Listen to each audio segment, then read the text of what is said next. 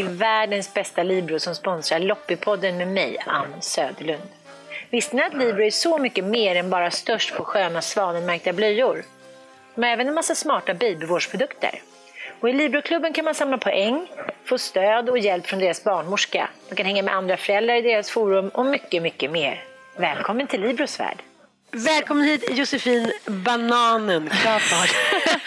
Åh, ja, jag känner mig lite bananig. Eh, det var du som sa att du såg ut som en banan. Jag såg ut som en banan. Vi tog massa kort här till eh, olika sociala medier och du ser gravid ut, mer som ett äpple kanske eller en apelsin och jag är som en böjd banan. Du, vi kan förklara också att du måste luta dig ner för att jag är lite kort och tjock. Ja, fast du är inte kort. Jag har extremt höga skor idag. Mm. Det är så kort är du inte. Nej, det är jag inte. Jag är lagom. Du är lagom. Nej, du är allt annat än lagom, Ann. Och det ska du vara jäkligt glad för. Ska ja, tack ska jag ja. Men nu ska vi inte prata om mig. Nej. Välkommen till eh, Loppipodden, konsten att vara mamma. Wow. Först hette det konsten att vara kvinna, men så tänkte jag det kanske är mer insäljande med konsten att vara mamma, så nu heter den lite olika. Ja, och det är ju lite av en konst. Alltså kvinna föds man ju till höll jag på att säga, men då, då är det bara att vara mm. på något sätt. Men jag tänkte mycket på det där igår när jag och Sanna Lundell, vår eh, väninna, vi var på sån här Publicistklubben eh, debatt. Mm. Och då sa, ja, då skulle vi säga då att det var ja, lite tuffare för kvinnor i den här branschen, mediebranschen. Och, det är det ju. Ja, och Fredrik Virtanen pratade om penisvind och sådär. Att ja, men killar föds in i ett gott självförtroende. Och då sa eh, en av panelmedlemmarna väldigt intressant. Kvinnor har halkat efter med lönen. Mm. Och då säger vissa män att det är biologiskt, kvinnor de har inte så bra självförtroende, de har inte i sig och det är därför de får sämre lön. Men det sjuka är att när det har gjorts forskning, då är det så att på alla andra sätt där kvinnor ska förhandla, bostadsrättsföreningen eller eh, köpa någonting, husköp eller liknande, då är kvinnor minst lika bra på att förhandla. Men det är just med lönen. Mm. Då är tjejer lite så här, ja men kanske är jag inte värd och hit och dit. Eh, hur är du? Um, jag är faktiskt bra. Jag har blivit väldigt bra på att förhandla, eh, tycker jag. I, i, I de flesta fall så lyckas jag alltid få det jag vill ha. Och eh, jag brukar alltid, om jag erbjuds någonting så säger jag att jag ska ha mer. Vad det än, vad det än är som erbjuds. Om det inte är så att det är ett något eh, engångsgig sådär och så är det jätte, jättebra betalt redan från början. Alltså ibland kan jag känna så här, det är lite så här, det är lite känsla för stunden och beroende på hur, hur det är eh, just i situationen. Men jag, jag är ganska bra på att förklara varför jag ska ha den lön som jag ska ha. Eh, jag kan försvara eh, det, så att ja. säga. Och det har jag blivit bra på. Sen kan det vara vissa situationer som, där jag kan känna att det är komplicerat för att med mitt jobb också, så här, det jag håller på med, så är det så Eh, alla jobb jag gör är så otroligt olika. Och ibland är det långa perioder, ibland är det korta, ibland är det jätteintensivt, ibland är det utspritt. Ehm, alltså vad ska man förhålla sig till? Sådär. Så att i, om det är lite mer långsiktiga projekt och där det är många konstiga aspekter att förhålla sig till, då kan jag ibland ta hjälp utifrån av någon eh, jurist av något slag. Men du har ju alltid varit väldigt bra på att försörja dig själv. Mm. Kan du så snabbt ge tre peppkommentarer som man kan säga till sig själv innan man ska gå in i förhandling? För jag är också rätt bra på att förhandla. Jag förstår inte heller. Jag säger också alltid lite mer mm. än vad jag får. Bara för att jag kan och för att mm. det känns bra. Och det mm. behöver absolut inte vara så här, att då vill jag ha 40 000 till. Utan det kan handla om liksom en 500. Jag vill ja. bara ha lite mer än vad de tycker att jag är värd. Nej, fast då, man får ju tänka så här, de lägger sig väl, ofta är det väl så i förhandling att eh, de som har något att erbjuda, som erbjuder något slags jobb, de lägger sig såklart lite, lite lägre för att det ska finnas någon slags förhandlingsmån. Och därför lägger man sig såklart en ganska bra bit över och sen möts man någonstans någonstans på mitten. Ja, men eh, nu ska du säga typ så. Så här, tre peppkommentarer man kan tänka innan man ska in i förhandling. Mm, för det första så min, min, min första så här, eh, grej, det är, jag, jag, tycker inte om att förhandla eye to eye. Jag gör det hellre via mail. Haha, du kör lite feg stil. Jag vet inte om jag tycker att det är så fegt, men där i ett mail är det mycket lättare att tänka efter och kunna motivera sig proffsigt. För jag kan bli så att när jag väl, om jag sitter med en människa och förhandlar och man äter någon god chokladbit och dricker lite kaffe och det är lite trevligt och dittan dattan, då kan jag bli så ah, ja whatever, vi kör. Alltså, du vet, lite då, som du och jag just nu. Ja, precis. Nej, men då, är det, då är det desto svårare. Men jag tycker att det är väldigt viktigt att det man ska tänka på främst det är så här, kom, kommer det här kännas bra? När, när den här för, alltså, vad känns... Man ska skita i... Nummer ett, jämför inte med andra. Ett, jämför inte med andra. Jämför inte med andra, utan utgå från dig själv, vad du tycker är bra för dig. Håll inte på och bara, men den och den har ju också det jobbet. Och då, utan utgå från dig själv och så vad som känns bra. Vad som skulle kännas bra när förhandlingen är klar, när ni har tagit i hand. Vad skulle kännas bra då?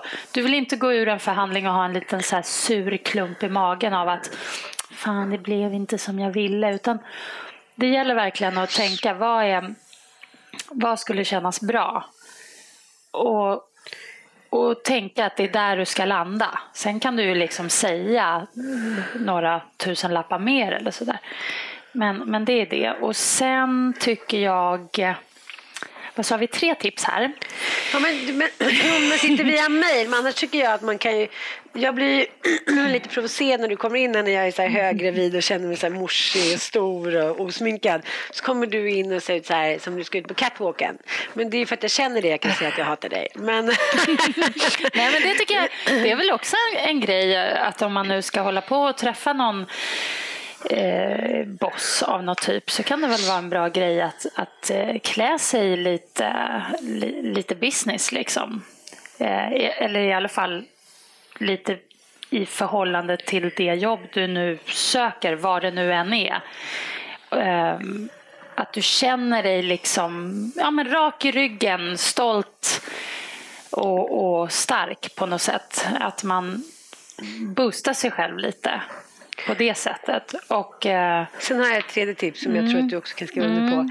Det är tystnadens makt. Ja. Att man inte så här, nu tänker jag aldrig mer säga att någonting är typiskt kvinnligt, kvinnligt och manligt. Och så här. Jag, jag har lagt ner det. Mm. Att så här, då är de som manliga chefer, de hit och dit. Jag skiter i det. Jag vill inte att man ska säga att här, vissa grejer är manlig eller kvinnlig tv. Så här, vi gör tv, vi förhandlar. Mm. Sen så kan jag inte män föda barn. Men förstår lite vad jag vill komma. Absolut. Och sen, tystnadens makt är bra och även att inte hetsa fram ett beslut. Det är ju så att om du är i en förhandling så finns det utrymme att säga så här, du, jag måste tänka på saken. Mm. Det ska man komma ihåg. Du måste inte säga okej vi kör eller nej tack, aldrig och smälla igen dörren. Utan det finns utrymme för bara okej, okay, jag hör vad du säger, okej okay, jag ska tänka på saken det, det är också, det, man inte hetsa fram någonting. Liksom.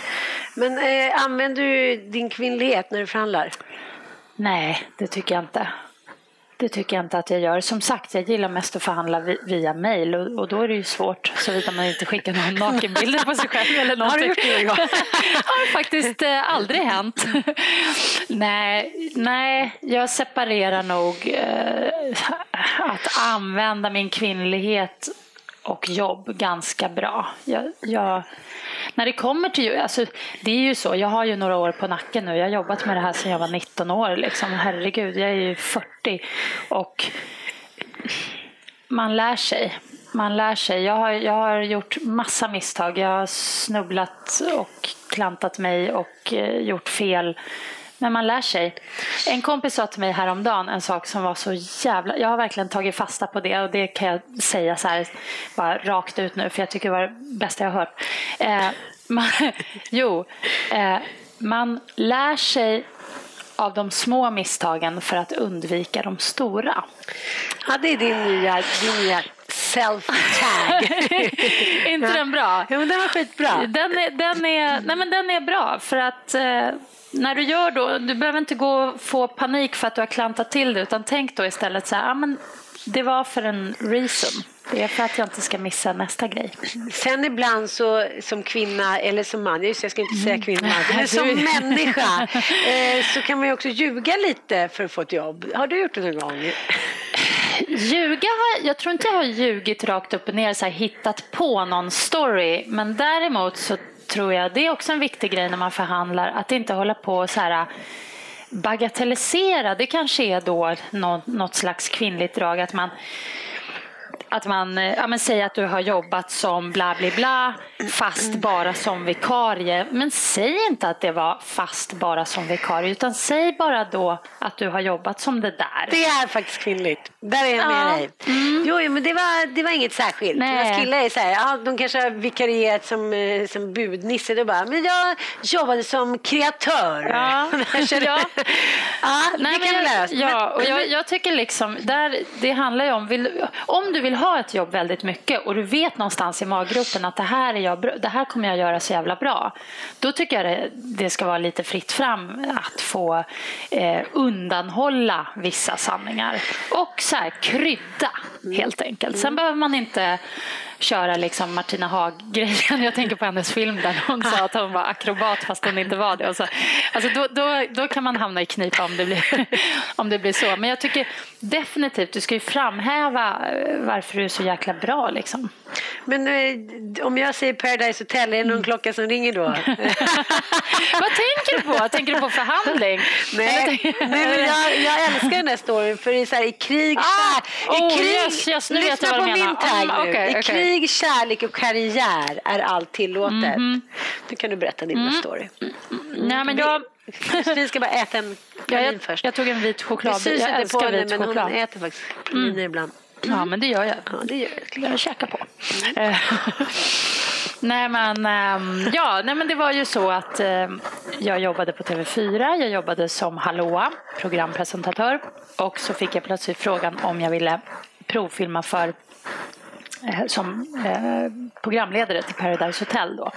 Och till saken hörde att när jag satt där på mina hallå kvällar så visade ju vi amerikanska Paradise Hotel och jag älskade det och jag tyckte det var så otroligt spännande och kul och bara gud det här borde man göra en svensk variant på. Och så bara får jag frågan att vara liksom, programledare för svenska Paradise. Jag bara shit, det är ju jag liksom. Det är klart att jag ska ha det. Och jag testar och det är förstås massa andra personer som också testar för det här jobbet. Och eh, hur som haver så, så ringer då eh, Anders Knave och bara du har fått jobbet. Helt otroligt och jag är så glad jag är så lycklig. Bara det att under tiden då så har jag gått och blivit gravid. och då hamnar man ju i det här shit, okej, okay, jag är gravid och jag är ganska, ganska mycket gravid. Jag var redan gravid under, under provfilmningen men då syntes det inte så mycket. Och liksom, jaha, ska jag då säga det första jag gör? Nej men ja, bara så ni vet, jag är gravid. Och så kan man ju bara tänka sig hur snacket börjar. Ha, ska man åka iväg till Mexiko eh, och, och liksom jobba och filma och, och hit och dit. Och då kanske de blir nervösa och så bara nej. Så jag sa ju ingenting. Jag, jag eh, jag sa ingenting helt enkelt. Men sen... du var helt tyst? nej, men jag var helt tyst och, och det, vi kom fram till att um, ja, vi ska åka. Först var det planer på att vi skulle åka till vad var det först det var snack om? Till Kuba? Nej, nej, inte Kuba såklart. Nej, eh, Bali var, var första stället det var snack om att vi skulle spela in på. Ja, Kuba. på Kuba var helt jättekonstigt. Eh, I och för sig, ett kommunistiskt paradise. Ja, anyway, men eh, Eh, nej, och så, allt planerades och resan och hit och dit och jag var på möten och det, allt var så glatt och roligt och eh, Anton Glanzelius var ju liksom projektansvarig och vi hade mycket kontakt och och det var också mycket snack om så här, ja, det här är ju en stor grej och, och, um, och du kommer ju vara borta från familjen i tolv veckor och du kan få prata med någon, vi, vi har någon psykolog i huset om du känner för det. Och jag bara, va? Nej, fan jag, jag vill åka bara. Jag vill bara åka och jobba. Jag skiter i min familj. jag skiter i den. Nej, men de kunde ju komma liksom och hälsa på och sådär. Så det var ju inget, och jag är inte rädd heller för att, jag är inte rädd för att resa till andra sidan jorden och sånt. Jag tycker bara det är jättespännande. Men så kom det fram ryktesvägen att jag var gravid och då ringer Anton mig och bara eh, Jag har hört att eh, du är med barn och hur långt gången är du och det här kan ju bli ett problem om, om du är si och så långt gången för att du ska ju vara där länge och vi har ju ett ansvar som kanal och bla bla bla. Vattnet, och vill ha vatten. Ja. Um, så jag, jag hittar ju på då att jag är i vecka typ vecka tio eller någonting. Bara för, bara för att liksom safea upp. Jag bara, nej men det är jättetidigt. Jag blev eh, på smällen igår i princip. alltså, nej, men du vet. Innan jag visste om ja, innan och det ingen, alltså, när, vi, när vi kommer åka dit och sen när jag kommer hem då kommer det vara i alla fall två och en halv månad kvar på graviditeten. Så det är ingen fara som helst. Men grejen var att det var verkligen på det så kallade fitthåret. För att när vi var där sen Allting löste sig ju. Jag fick ju åka allting och min mage växte och frodades som bara den där i Mexiko. Anton tittade på mig och bara, vilken vecka sa du att det var? Jag bara, jag vet inte, det är en stor bebis. Men vilken vecka var det när du åkte? Var inte du typ i vecka 22 eller någonting? Ja, hur många veckor är det? Jag har glömt bort. 40. På, är det 40 på en graviditet? Mm. Ja, men då var jag väl i vecka 27 eller något sånt där. Gud, du åkte typ hem en vecka innan du skulle föda? Yes, jag kom hem eh, alltså exakt en och en halv vecka efter jag kom hem med planet så kom lille Charlie till världen. det hade du inte, alltså du som jag, det hade inte gjort dig något om du hade fött i Mexiko. Nej. Nej. fast det hade ju såklart blivit kanske problem om jag hade fött innan inspelningen var slut. Liksom. Ja. Däremot det här med att, liksom att ja, om det nu skulle bli så att föda i Mexiko, herregud det föds väl barn i Mexiko hela tiden. Liksom. Mm. Det är väl ingenting.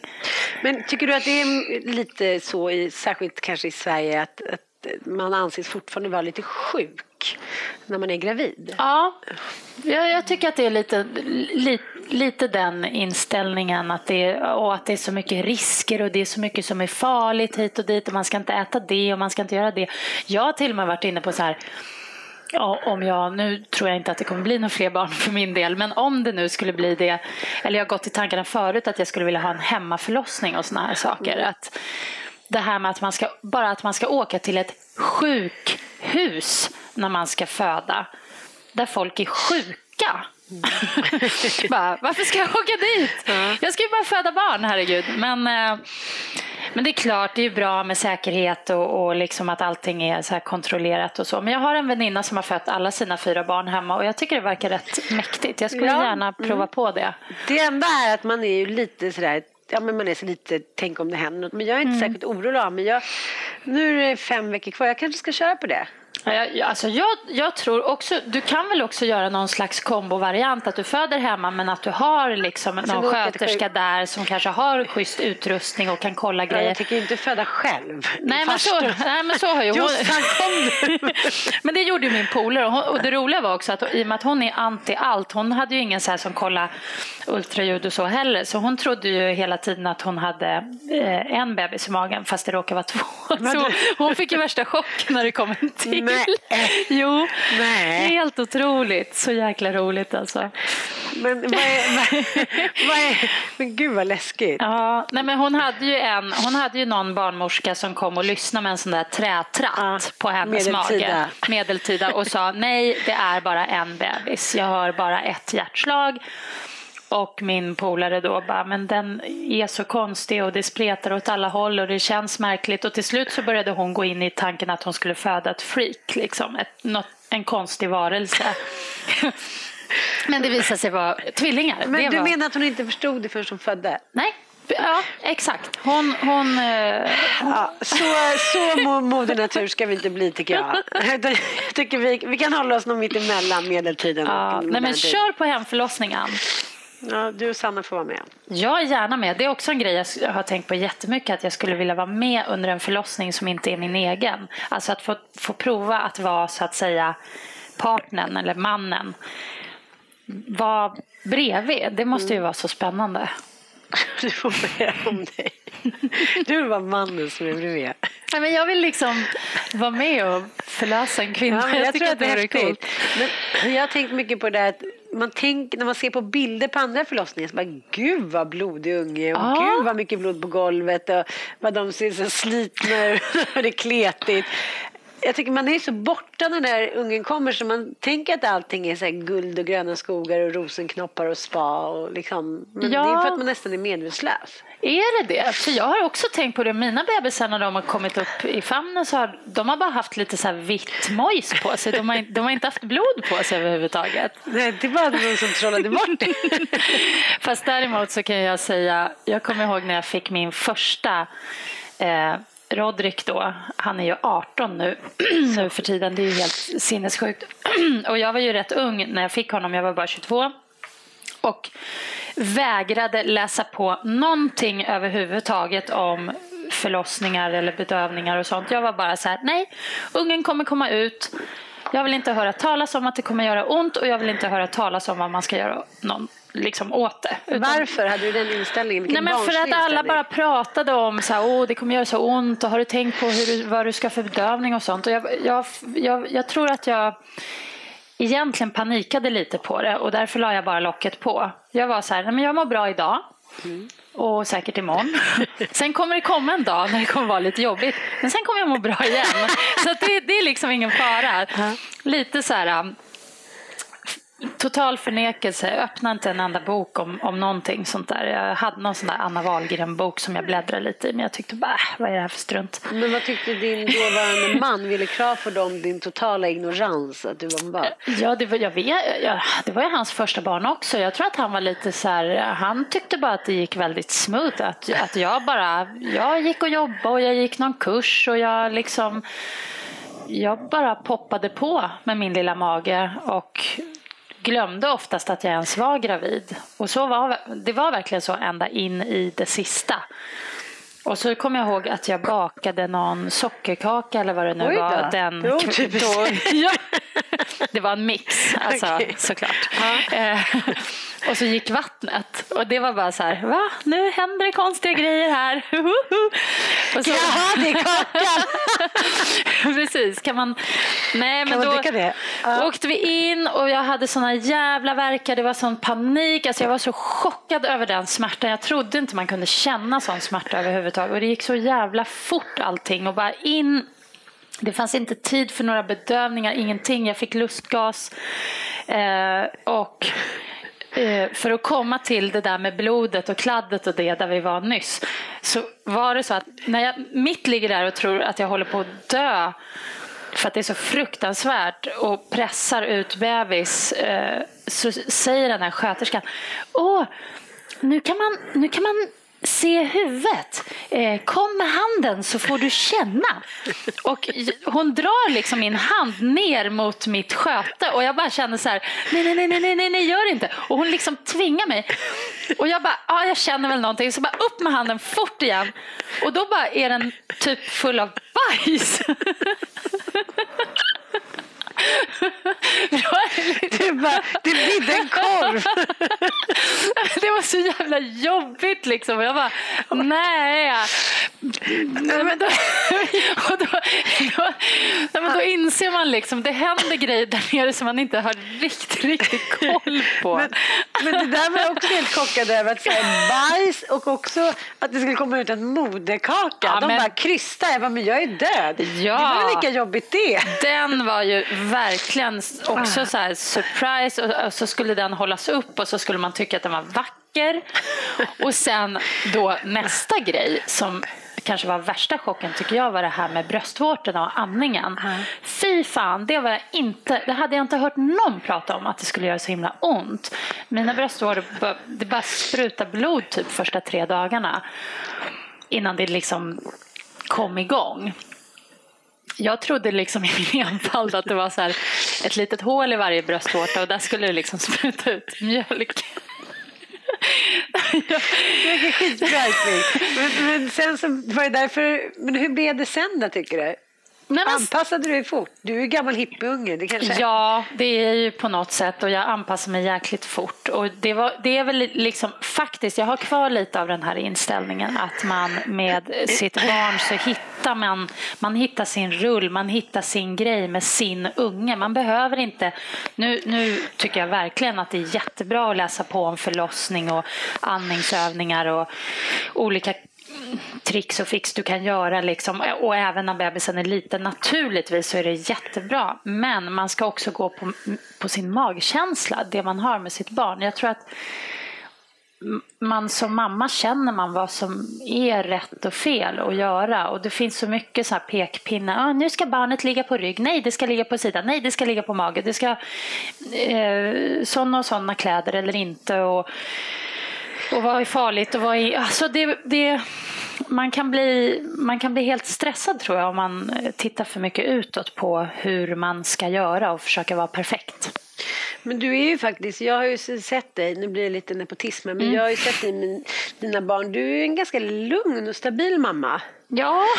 Men det kan också bero på, jag tänkte, vi har pratat om det, att du väntade tio år mellan varje barn och jag födde mina tre på tre och ett halvt år. Men, ja. men vad var skillnaden på första och andra förlossningen och graviditeten tycker du? Och... Ja men andra så var ju, då var ju jag liksom 32 år gammal och eh, liksom helt Egentligen kanske inte så stor skillnad. Det är klart att då var jag lite mer så här planerade lite mer, kanske köpte lite grejer innan och, och sådär. packade, packade den där väskan som man ska ha och, och så. Um, men framför allt så så gick jag mycket på att nej, men jag har ju barn, jag vet hur det funkar och det kommer gå bra igen. Och det gjorde det också. Men det var ju mycket softare förlossning och allting. Sen var den andra ännu snabbare jättesnabb. Och det gjorde precis lika ont som första gången. Men då hade man ju ändå någonstans i bakhuvudet, i cellminnet, så satt det där att liksom ja, men det här har jag gjort förut på något vis. Så jag var inte rädd. Jag var ju rädd första gången. Jag var livrädd. Jag tänkte jag dör, jag dör, jag dör. Liksom. Medan andra gången så kunde man ändå någonstans visualisera att det kommer en bebis. När jag dör. När jag har dött, precis. Nej, men jag har ju varit fruktansvärd under båda förlossningarna, skrikit åt sköterskor. Jag har varit riktigt så här exorcisten, liksom Linda Blair. Bara, bara Vi gör något av din jävla fitta! Helt... Ut den jävla jäveln! men jag hade en jättebra sköterska. Andra gången födde jag på Södersjukhuset och då var det var, jag hade flera med mig i rummet, men det var en så här liten mogen äldre dam som var så här barsk. Och hon bara, hörru du! Hon bara hytte så med fingret mot mig. Bara, hörru du Josefin, om du skulle ta och vara tyst nu och trycka på lite nu istället. Hon liksom läxade upp mig lite där. Mm. Och det behövde jag. Då, och då var det liksom två kryss och så var ungen ute. Liksom. Det behöver du alltid. Ja, jag behöver alltid det. Det är inte alla som fattar. Många blir rädda och flyr för sitt liv i min omgivning. Men... Hon har ett gott hjärta. jag har ett jättegott hjärta. Men... Nej men alltså verkligen. Eh, ja, det har varit, det, jag, tycker att, eh, jag tycker att jag är väldigt nöjd med mig som mamma. Jag är stolt över mig själv som mamma faktiskt. Det tycker jag du ska vara. Men om, om, vi, eh, om, om du ska säga dina tre bästa egenskaper som mamma lite snabbt och inte jag tycker du liksom lägger ut lite för mycket. Du måste säga det snabbt. Ah, Okej, okay, jag vet. Jag är jättebra på att ut texten. Vi har inte hela veckan på oss. Uh, vi har inte det. Nej, mina tre bästa. Ska, uh, jag bara, bara börjar random utan inbördes ordning. Kolla, jag brer ut mig redan. Uh, nej, men jag är... Jag har tålamod. Jag har extremt högt tålamod. Jag är inte den som flippar för att det är bråttom eller sådana saker. Jag, jag hatar stress. Jag kommer hellre lite sent än att det blir stress och skrik och gråt och sådana här saker. Eh, så jag har stort tålamod, jag är lyhörd. Jag lyssnar på mina barn, på vad de vill. Eh, jag tänker inte på dem som barn, jag tänker på dem som medmänniskor och att deras vilja och deras behov är lika mycket värda som mina. Det tycker jag är en bra regel. Det är faktiskt väldigt bra. Och sen är jag en rolig mamma. Jag är lite, jag är lite kul, tror jag. Mm. Du är lite småbusig. Jag är lite ah. rolig, men det är inte roligt att jag liksom går till en park och sätter mig i en sandlåda och gräver. Det tycker jag är skittråkigt. Men jag, jag, är ganska, jag, kan, jag kan röja och spåra och ha roligt med mina barn. Men, eh, men eh, jag, jag tillåter mig själv också att vara skittråkig emellanåt. Så att, eh, ja. Du sa ju häromdagen att du är så hemmakär nu sen du har ditt radhus att du är orolig för att du är för hemmakär att du typ inte gör någonting. ja. Ja. Men så är det inte. Så är det inte. Just Nej. faktiskt har det där förändrats sista månaden typ. Eller, ja, sen januari, februari där någon gång så kände jag att jag kom in i någon sån ny andning. Ja, alltså, helt plötsligt så tycker jag att det är roligt igen att gå ut och träffa folk och jag är social och jag vill hänga och jag vill dricka vin och jag vill gå på fest. Och... Men sen är jag väldigt hemmakär också. Jag älskar att vara hemma i mitt eh, radhus och jag trivs att bara vara runt där och bara lyssna på musik och ligga i en soffa eller i min trädgård. Ännu bättre, nu börjar det bli varmt också. Och ligga där mm. i min hammock som jag fick i födelsedagspresent av alla er ja, för ett år sedan. Mm. Ja. Men har du använt den? Ja, gud, jag använder den hela tiden. Den ligger i den. Alla grannar går förbi och tittar avundsjukt. de kan inte förstå att de tror att det är en rymduppfinning. Ja, men de bara, åh det där ser skönt ut. Man bara, ja, och det är det. Och du kan köpa en sån här för en 500 på Blocket, inga problem liksom. Så men folk, inte. folk unnar sig inte. Nej, men eh, Nej, jag älskar mitt, mitt hem där ute. Det är så jäkla härligt. Och det är liksom nära stan och bla bla bla. Jag har ju bil och allting. Men, så det är lugnt. Så ingen förortskris? Nej, absolut inte. Tvärtom. Alltså jag, när jag åker in till stan så jag kan tycka om att åka in till stan såklart men framförallt där på Söder där jag bodde förut, där kan jag gå runt och nästan få så här, nej liksom. Eller just det kvarteret, det finns massa fina del, delar av Söder som är lite lugnare, men jag bodde ju liksom verkligen i värsta korsningen där alla de här pubbarna och krogarna låg och det var alltid fight och spyor och blod på gatan. Liksom. Det blev lite too much mm. kände jag. Så det här är strålers. Men det är ju så här, du skilde dig, nu är det i och för sig typ ett och ett halvt år sedan. Mm. Eller skilde, separerade från mm. Charles pappa Martin. Mm. Och eh, kan man säga att du har varit lite smådeprimerad sen dess fram till nu när du liksom har blivit mm. lite förlöst igen? Ja, jag, jag skulle inte vilja säga deprimerad men däremot så var våran separation extremt uppslitande.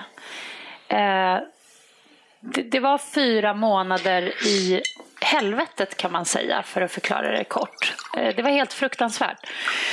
Ehm, väldigt jobbigt, uppslitande. Det var liksom advokater inblandade. Vi bodde under samma sak fast vi ville slakta varandra med en yxa. Det var, liksom, det var verkligen så jobbigt för oss och för barnen. Ska vi inte ens tala om hur jobbigt det var. Så när det väl liksom löste sig så att säga och Martin flyttade ut och, och, och sådär. Då var det som en så här, som någon helningsprocess tror jag.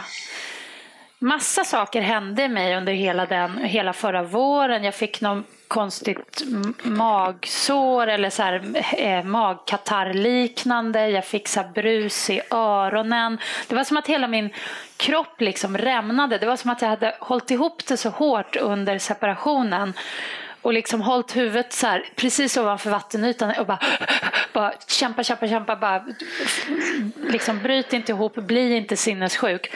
Och sen så var det som att när det då löste sig, då var det som att bara för att man slappnade av lite så bara så föll hela jag isär på något sätt. Och så var det som att man sakta har fått plocka ihop bitarna och det, det har tagit sin lilla, sin lilla tid. Um, så ja, hela, man kan väl säga 2013 var ett, ett helt år av det på något sätt. Att så här, komma tillbaks till någon slags stabil nivå, hitta sig själv igen. Liksom. Och nu har jag gjort det och det är jävligt skönt. Eh, det är faktiskt, ja, det var tufft men nu är det bra. Det var värt det. Det var värt allt kan jag säga. Nej men verkligen. Och nu, det sjuka är om man ska bara lite snabbt säga, jag och Martin då, som har varit i en sån jävla kris. Nu har vi jättebra kontakt och jättebra relation. bättre än vad vi har haft när vi har varit tillsammans. Det är så mm. konstigt. Mm. Vi har jättekul ihop, vi lyssnar på varandra, vi stöttar varandra, vi är lyhörda för varandra. Liksom, allt kring Charlie, det, det är så här, shit vad hände? Att det blev så, det trodde jag aldrig. Men varför är det så svårt att ha det i relationen? Den som kom på det skulle ju få Nobelpriset i liksom relationer. Ja, men det är som att någonting händer på vägen och sen så är det för sent att ta sig ur. Ja, det, jag tror att det gäller, jag har en teori nu om att det gäller att redan från början i relationen, redan från absolut första start liksom visa vilken sorts relation du vill ha och visa dina behov. För det är så lätt när man är nykär och man går in i en relation att man Ja, men då vill man vara gullig mot den andra och man vill anpassa sig efter den andras behov. Man bara, ja men okej, jag är ju så kär i honom så det är väl okej att vi gör så här. Och, och man, eh, man liksom eh, lägger en massa band på sig själv. Man, man, man och, då, och då målar man in sig själv i ett jävla hörn. Och sen står man där och bara, men det här är ju inte jag. Och då är det jättesvårt att ta sig ur. Och så har man just så här fallit in i de här rollerna också som man så lätt gör i relation. Att den ena är så och den andra är så och så ska det alltid vara. Och så funkar det ju inte. Man har ju massa sidor. Och, ja. Så som vän så ser man ju det där och det gäller ju alla. Man ja. ser varandras relationer. Och ändå så är det så svårt att ta till sig då som ofta är konstruktiva kritiken. Man så här, kör på i samma hjulspår och så mm. tänker man så här, men nu, ja, nu separerar vi för det här funkar inte. Och så blir det liksom en pizza och pajkastning ändå.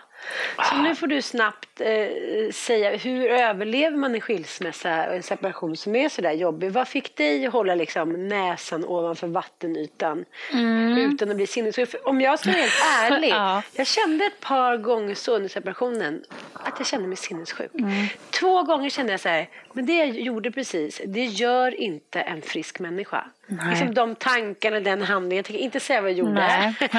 det tar vi sen. Ja. Men, men det var så här...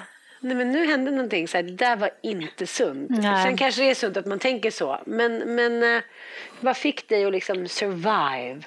Ja du, eh, jag tror min survive det var att så fort som möjligt lösa det faktiska problemet istället för att stirra sig blind på alla små grejer.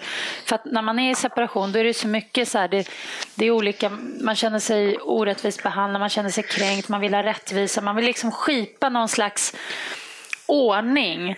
Eh, och, och, att, och framförallt att det ska vara så himla rättvist och sådär. Att det ska vara så här, men du fick ju det och då ska jag ha det och du sa ju så och då ska jag säga det. Alltså att istället för att bara så här, jag hade hela tiden fokus på, eh, vilket var vårt problem, mitt och Martins problem var så här, han måste ha någonstans att bo, att ta vägen. Jag har mitt radhus och han måste också ha någonstans att bo. Hur löser vi det? Det, det var liksom fokus. Sen hade vi olika åsikter om hur det skulle lösas, vilket blev the issue. Liksom. Ja, det blev ju skitjobbigt. Men jag kände ganska snabbt in i det här jobbiga träsket att liksom, precis som du säger, jag kommer bli galen. Jag, kom, jag, jag kommer förlora förståndet. Jag är liksom, och, och, det vill inte jag, för om jag gör det då kommer jag förlora allt. Då förlorar man jobb, man förlorar sina barn, man förlorar allt. Därför måste det här bara lösas egentligen till vilket pris som helst. Och då gäller det också att steppa ner från sin höga häst och bara så här, okej, okay, vad vill du? Vad, vad, vill du för att vi ska hitta en lösning? Det här vill jag, vad vill du? Och eh, någonstans är jag faktiskt lite glad att vi ändå valde att ta in varsin eh, advokat helt ja, enkelt som, skött, som skötte snacket. Sen blev det kostsamt. Eh, men det löste sig ändå förhållandevis snabbt om man jämför med för många andra. Och och det är värt allt liksom. Det är värt allt. Um, och sen gäller det ju att, sen gäller det ju att liksom inte blanda ihop saker och ting. För det är ju det att man gärna vill dra in barnen och an använda dem som slagträ och sådär i, i, i dispyter. Och det är så viktigt att inte göra det. Det är så viktigt att inte göra det. Och det, jag tror nästan alla hamnar där i en separa separation. Men efter separationen, det är där man måste bara säga okej, okay, stopp. Nu börjar en ny fas. Då gäller det att inte gå och hänga upp sig vid de här gamla grollen och de här sakerna som har sagts och gjorts. Och, utan då gäller det att, att göra en ny start. Och den är ju svår om inte båda är med på det. Det är skitsvårt. Liksom. Men jag tänkte så här förra våren när jag var nyseparerad, just det så fort jag ordnade med mitt boende, då gick jag ändå från så här Ska jag hoppa från en liten bro? Så jag vill inte hoppa från en stor bro för jag vill ju, ja, eller, en liten bro, vadå? Du vill, du vill ändå överleva? Ja, men jag så bröt benet bara, fick ligga stilla och vila. Ja. men när jag kom ihåg första kvällen när jag satt i min lägenhet och hörde så här, klockan i Sofia ringa från kyrkan. Det var vår. Jag kände mig så här fin och snygg och omtyckt. Och, ja, men du vet, alla mina vänner. jag hade min celebration separation middag ja. som var helt magisk. Ja. Eh, att jag ändå så här, jag kände så här, gud jag överlevde. Och det är lite som med första förlossningen, man tänker så här, jag trodde jag skulle dö. Men jag överlevde och efter det så är det lite så där men det finns ingenting som riktigt kan komma åt mig längre. Mm. Efter en vidrig förlossning och en vidrig separation, det är så här Kom igen då. give it to me. Men verkligen give it to me. Och jag tänker på det också när jag pratar med skilsmässadvokat när jag var med på ett tv-program på fyran och pratade om det här med skilsmässa. Ja, du var också med. Och hon sa så att det är väldigt vanligt för män eftersom de har svårt att prata om känslor med sina vänner och liksom har svårt att få kontakt med sina känslor att de går mycket på det här med ekonomin. Mm. Nu jävlar ska vi mm, straffa liksom den andra och jag ska ta allt, allt, allt. Men jag tror så här, what goes around comes around. Men för mig blev det helt tvärtom. Mitt ex vill inte ha någonting. Nej. Och det, alltså så här, det var ju liksom det mest maktfullkomliga att liksom på något sätt sättet att vi, visa att det här har inte betytt någonting och jag vill bara bli av med dig. Mm. Jag hade nästan så här, ta allt. Mm. Ja, men, blev så här, jaha, du vill inte ha den här lampan då? Bara, Nej, jag vill inte ha någonting. Jag vill bara du ska Pry, alltså prylar och sånt, det, det, känner man ju liksom någonstans att det är ju det är ju lite skitsamma. Dit kom vi ju till sen, alltså när man, när man väl hade gjort upp om boende. Men däremot, för mig är hem och hus jätteviktigt. Jag, jag har, under hela min uppväxt flyttade jag runt som en tok med min mamma. Vi har bott överallt i hela Stockholms innerstad skulle jag kunna säga faktiskt. Eh, och flackat hit och dit. Och jag, jag, tror att det är liksom lite undermedvetet från mitt håll så är det väldigt viktigt för mig att liksom, jag vill ha ett hem där mina barn ska känna att det är deras hem och där är det lugnt och tryggt och här bor vi. Så var det även efter min första skilsmässa. Då drog ju jag utan att begära ett jäkla dugg. Det var ju kanske lite korkat kan man tycka nu i efterhand. Men som sagt, man är hippiebarn och bara känner att nej men jag är inte sugen på det här längre så jag drar. Men då skaffade jag också en, en bra lägenhet där jag visste att här kan vi bo. Och vi bodde där också i tolv år. Liksom. Och så känner jag också där jag bor nu. att jag vill, inte, jag vill inte hatta runt hit och dit. Och det ville ju inte Martin heller, mitt ex. Och det var ju därför det blev liksom en, en situation. Men som sagt, um, det ordnade sig och, och, och, det var skönt. Och, uh, nu är du lycklig? Nu, ja, nu är jag lycklig. Och jag, jag tycker att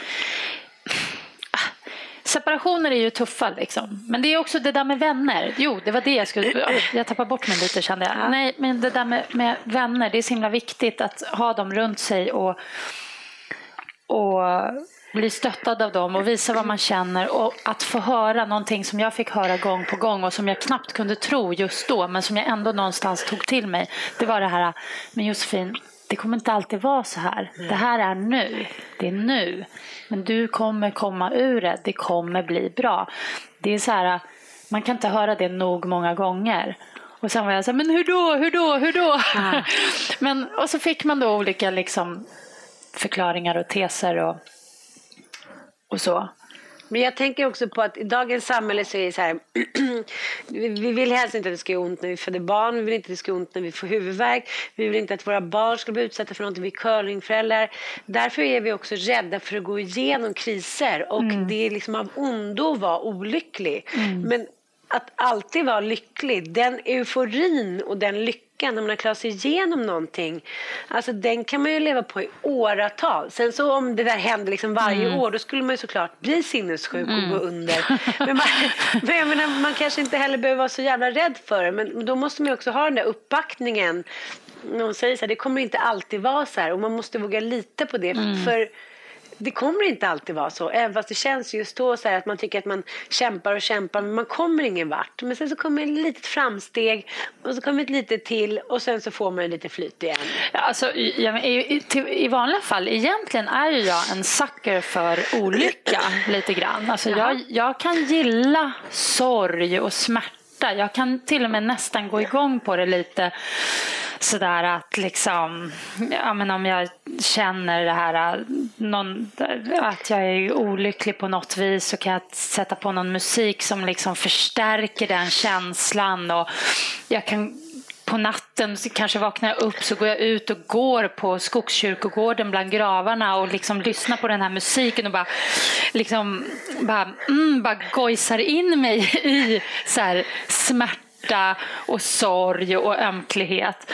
Men i den där separationen kan jag säga med Martin, där blev det för mycket. Där, var det, där kunde jag inte ens där kunde jag inte, det, det, var som, det var som en mardröm. Det, det var verkligen som, men gud, kan någon bara typ väcka mig? Och, och jag, jag fick en sån här känsla jag, jag började tänka sådana barn som, jag tänker på den här pappan som till exempel glömde sitt barn i bilen. Mm. Ja, du, alla vet eh, vad jag pratar om. Som fick värmeslag och dog. Ja, alltså det måste ju kännas, det måste ju vara en sån, det är en sån smärta och sån mardröm och, det, och den kommer han, den kommer han ju aldrig helt komma ur. Och lite den känslan att man liksom hamnar i något där man bara, men det här är inte, det här är inte sant, det här är inte på riktigt att det här händer. Att, eh, att liksom, det, det, det är så himla obehagligt. Men en, till en viss grad, till en ganska stor grad, så kan jag som sagt till och med tycka om det. Det föds också en del, eh, ja, det är ju en sån här klassiker, men det föds ju kreativitet ur det också. Man, Gud, man kan ju, helt plötsligt så målar du världens coolaste tavla liksom bara för att du är så jävla ledsen. Om ni ser en blondin gå på nätterna på Skogskyrkogården med hörlurar, det är Josefin Crafoord. Yes. Nu känner jag att jag har skrivit den här fina listan här, gjort ja. research på dig, men vi bara pratar om helt andra grejer och snart har vi pratat alldeles för länge. Så nu kör vi bara lite så här. Mm. Ja, lite spännande. Roligt, ja. lite roligt att veta. lite eh, snabbfrågor eller? Jag tänker alltid på när du skulle styla mig en gång och du tog fram ett par skitfula typ, blåa plastbrallor och sa det här ska du ha. Och jag försökte så här, dra upp dem och du sa men du fattar ingenting.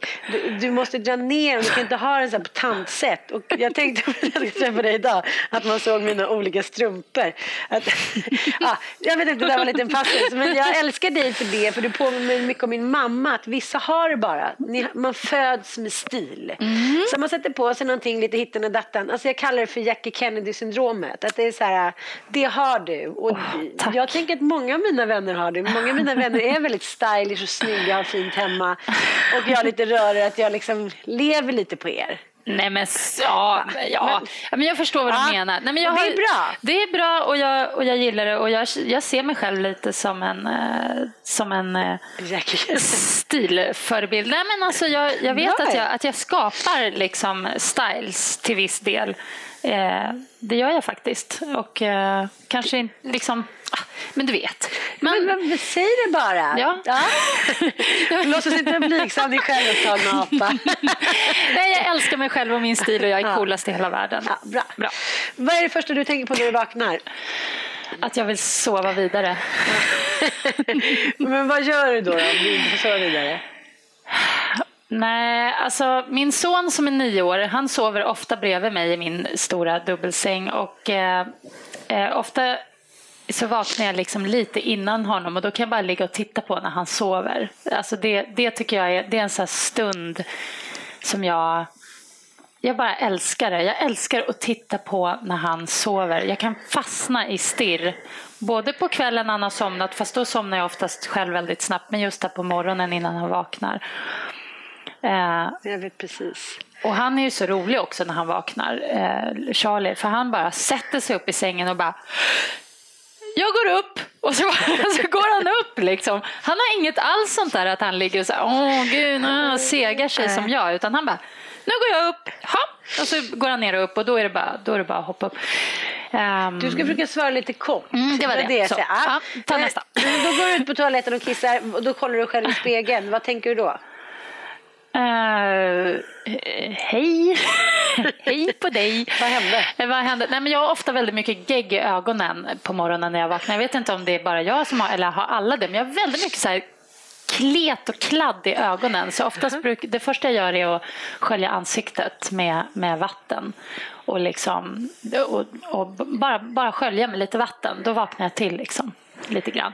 Sen är inte jag den som alltid duschar på morgonen för jag är en badmänniska. Så väldigt ofta badar jag på kvällen innan istället. Ja, hur, du har gett mig ett väldigt bra tips, eller du sa det, jag tänkte på det, att, att det är bra att vara lite så här geggig och skitig några dagar och sen när man sminkar sig så känner man sig som one million dollar. Yes! ja, men det är bra. Man ska välja sina tillfällen tycker jag. Eh, eller det gör man ju såklart som man vill, men jag väljer mina tillfällen. Eh, jag, kan, jag vet att jag kan se ut som one million dollar och jag vet att jag också kan se ut som skit och jag kan välja vilket, vilket jag känner för. Då vill jag Eh, att du ska avslöja dina knep, hur du på liksom tio minuter, kan man på tio minuter se ut som one million dollar? Mm, ja, jag kan det. Ja, okej, då säger du snabbt hur du, hur du gör det. Eh, tajta kläder. Det är bra. Okej. Nej, men det är alltid bra med tajta. ja, men jag Tajt, vet, tajt man är har- bra. Ja, man ser ut som en gym, gymnastikkvinna som dig. Ja, men vi, vi går inte in på det. Nej, tajta eh, kläder. tajta kläder eh, snygga, lite dyrare skor tycker jag du ska ha. Sen kan allt annat vara second hand, vintage, billigt. Behöver egentligen inte ens vara tajt. Bara du har snygga, dyra skor. Um, och så sätter du upp håret i en stram tofs om du har det så pass långt.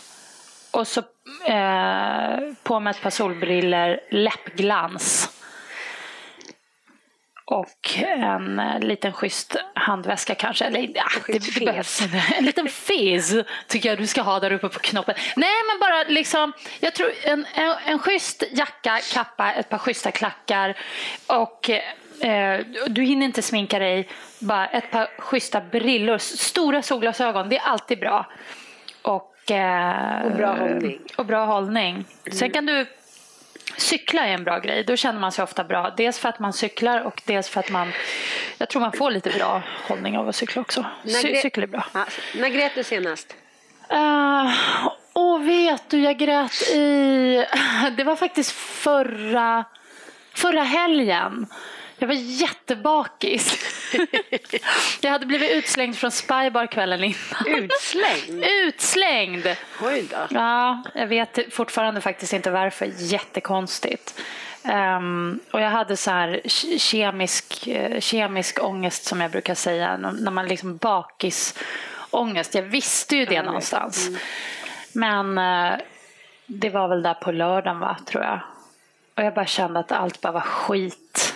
Jag hade haft en jätterolig kväll innan. Och att egentligen att jag blev utslängd från Spybar, det var ingen biggie för mig. Jag är nästan lite stolt att jag blev utslängd från Spybar. Men jag, känn, jag, känn, jag, hade, jag fick den där känslan av att jag, den där känslan, jag är ingen bra, jag är ingen bra människa, lite sådär. Och jag vet ju precis hur, hur, eh, hur jag funkar och då, då är det bra att släppa ut lite gråt. Då ringde jag till min gode vän och bölade.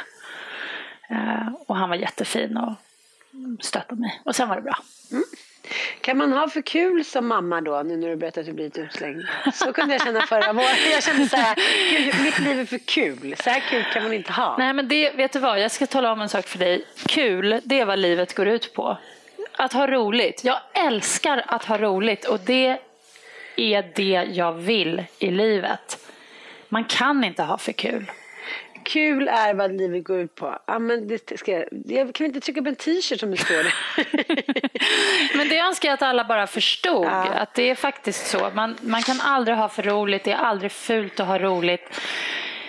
Det är dumt att ha roligt på andras bekostnad. Eh, men till och med det kan vara lite roligt. Om man tar det tillbaka, om man, om man kan ta den tillbaka från andra. Man kan ju inte bara vara som själv. Nej, Nej. gud man måste vara bjussig också. Och, och jag, jag tycker att, nej jag, jag söker mig till roligt. Jag föredrar roligt framför allt annat. Trygghet, rikedom. Eh, ja, jag vet inte vad, det, vad är livet, alltså vad är livet utan kul? Nada. Jag har alltid haft roligt. Jag tänker fortsätta ha roligt. Du börjar låta lite som så här Gandhi for fun. det är bra. Ja. Jag tänkte kanske bli politiker. Ja, ja, gud vad roligt det skulle bli. Hela Sverige skulle bli fan så jävla mycket roligare faktiskt. För Spybar, alla skulle få vara kvar. Du, du när du får komma tillbaka. När hade du bra sex senast? Åh oh, herregud vilken jobbig fråga. Ja, jag vet. Jag Shit vet. pom. Ja. Mm, det var i, i, tis, i tisdags, ja. för en vecka sedan. Exakt. Ja. Och känner du dig liksom att sexlivet blir bättre och bättre med åren? Absolut. Ja, det. Det, det, men det har väldigt mycket att göra med ens partner också, måste jag säga. Jag det är jätteviktigt. Mm. Men tror du att du kommer skaffa fler barn? Man vet aldrig. Jag har aldrig planerat något överhuvudtaget. Och framförallt inte barnen. Men jag känner mig väldigt nöjd. För mig handlar det om det handlar väldigt mycket om eh, kärleken till en man i sånt fall. Eh, och vad som skulle hända där. Kunde man föda ut en femåring då skulle jag gärna, ja det låter lite jobbigt jag vet. Men, men alltså, Nej men då, då skulle jag vilja ha, alltså jag skulle gärna ha tio barn till om, om de kunde vara stora med en gång. Jag är så oladdad på det där som du just nu sitter med. En stor mage, förlossning, liten köttklump som rör sig och skriker. Liksom. Det, jag, det känner jag mig så otroligt osugen på. Men man vet ju att den där lilla köttklumpen kommer utvecklas och bli en person så småningom. Och det är väldigt häftigt. Jag älskar att ha barn och jag älskar att ha stora barn. Mm. Så att eh, så man vet aldrig. Man har ingen aning. Vi får se. Det, man, vet, man vet ingenting. Nej. Du har några år på dig. Jag är inte så gammal. Ja, precis. När, fan, när, när är det kört liksom? Jag har inte riktigt fattat det. Är det, vadå, är det vid 45 eller? När är det? Men det kan du, du kan ju också ta någon annans ägg. Men det här, det är Nej men annan, gud vad det är, jobbigt. Det är en helt annan podd. Men typ mm, ja. runt 45 tror jag att du ska. Du har fyra, fem år på dig. Mm. Ja men gud jag vill inte ens tänka på det just nu. Just nu är det sista jag vill att bli gravid kan jag säga. Mm -hmm. Nu vill du bara ligga runt. mm, ja, men ja, vi behöver inte prata om det. Nej. Det tar vi också i en annan podd. Det är många andra poddar vi ska göra. men jag tycker att du är i alla fall en väldigt sammanfattningsvis en väldigt bra eh, förebild, Tack. en väldigt bra mamma, en väldigt god vän, underhållande och liksom så här, du gör livet lite bättre. Gud vad fin du är. Alltså värsta komplimangerna, då måste jag säga till dig Ann att jag beundrar dig jättemycket för din kreativitet, och för hur energisk du är och för att du har ett sånt enormt stort hjärta. Det, man känner ditt hjärta på mils avstånd. Det är ganska jag häftigt. Jag ticka. Mm. Säg att jag är smart också. Lite. Tack för att du kom till Loppipodden. Tack. Puss. Puss. Och nu har vi kommit till programpunkten Fråga barnmorskan. Dagens eminenta fråga den handlar om den berömda BB-väskan. Ja, äntligen. Jag ska packa en snart så jag tycker, vi kan låtsas att den här frågan är från mig. Mm. Då är någon som undrar vad man ska ha i den och hur pass viktig är den egentligen? Ja, men vad ska jag säga? Det, det, du behöver inte ha någonting färdigpackat men det underlättar naturligtvis. Man vet ju aldrig när förlossningen startar och hur den startar. Det kan ju bli jätte eh, bråttom eller inte. Mm. Um, så det kan väl vara bra att i alla fall ha tänkt vad man ska ha med sig. Den behöver inte stå färdigpackad kanske, för du kanske inte är hemma när du ska åka, men uh, att man i alla fall har med sig det viktigaste. Och vad är det? Ja precis, vad är det? Ja, men för vissa är det också tror jag en mental mm. förberedelse. Att nu har jag packat väskan, nu är det klart. Mm, precis, check. Det är lite fint att packa ja, den där tycker ja, jag men Det är själv. lite nostalgiskt kan jag tänka ja. mig. Ja.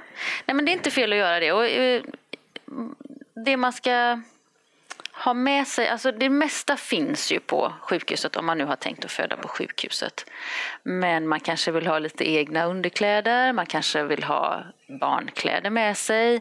Eh, mobilen låter ju knäppt att jag ska säga men mm, man vill ju kanske föreviga den här, den här stunden och ta lite bilder såklart eller någon liten filmsnutt och då är väl mobilen det som ligger närmast till hands filmsnutt. Sen, sen. ja, sen. Ja, bra. Inte, inte under Nej. själva... Det ja. kanske man också vill i och för sig. Alla är olika. Ja. Men, men det som, som brukar vara, om man gör en liten lista då, om man tycker att det är viktigt. Mm. Då, vad tycker du då att man ska med sig? Telefonen, ombyte för babyn? Ja, eh, kanske egna kläder och, och gå runt i. Um, um, någonting att äta som man tycker om. Man får ju det mesta på sjukhuset också men partnern kanske inte får någonting. Så någonting att, att tugga på. Det kan ju bli så att man stannar där ett tag. Ja. Eh, ja, uh. eller, och kanske egen musik om man vill uh. ha det under förlossningen. För att göra det liksom lite mysigt och lite som man själv gillar i den miljön. Jag pratade med en killkompis på en middag häromdagen och han hade förberett sig alltså, minutiöst med playlists och ja. det var eh, små eh, ljusstakar. Jag vet inte vad allt han hade gjort och sen så ja. fick han någon ja, panik när det väl skulle födas att han ingenting kom han ihåg. Nej. Nej, det kanske kan vara så också. Ja. Och då är det ju, handlar det ju mer om eh, eh en mental förberedelse. Mm. Att man faktiskt har tänkt och man, man, man förbereder sig inför förlossningen och vad som ska komma. Men många blir faktiskt väldigt besatta av den här BB-väskan. Jag har en kompis syrra som hade den här packad och som fick väldigt starka verkar fort när hon var ja. på en middag. Och istället för att ta taxi in till BB så skulle hon liksom nödvändigtvis hem för att hon hade den här mentala bilden ja. av väskan den var så stark så att hon höll på att föda i taxin ja. för att hon skulle hämta den där väskan ja. som ändå inte var till någon hjälp under förlossningen. Nej, men då, då har den, fyller den ett syfte i alla fall så den är väl ändå ganska viktig tror jag. Mm. Men eh, och, och, ah, man behöver inte göra det så allvarligt men, eh, men lite, lite egna grejer att ha med sig tycker jag vad det nu kan vara för någonting. Vi är olika. Vissa vill ha med sig, måste ha med sig läppglanset och andra måste ha med sig ett par tofflor och eh, en egen babymössa. Och... Ja, men det tycker faktiskt jag det känns väldigt viktigt att man har bestämt vilka kläder bebisen ja. ska ha när man åker därifrån. Ja. Det är någon ytlig liten ja. sak som man har tänkt men som ja. ändå känns väldigt viktig. Och som blir ett, ett väldigt starkt minne också kanske. Mm. Sen kan man ju alltid åka hem och hämta resten. Alltså eh, den här, det här babyskyddet och eh, någon overall om det är kallt ute. Och man behöver ju inte ha med sig allt utan eh, det går att lösa. Om man inte föder som jag hörde häromdagen, en mamma som födde 20 mil bort från sjukhuset. Ja, då var hon i och för sig hemma men då kanske man måste tänka till vad man ska ha med sig och inte. Och... Han var det 20 mil till B, närmaste BB? Ja. ja då, då kanske man ska ha sin väska för Ja, precis. Ja, men alla har ju olika förutsättningar. Så att, uh, ja. Mm. Ja, men det tycker jag låter bra. Mm. Man, man tar med sig det som känns bra i, i magen helt ja, enkelt. Och det mesta går att lösa faktiskt. Mm. Tack för idag. Tack så mycket.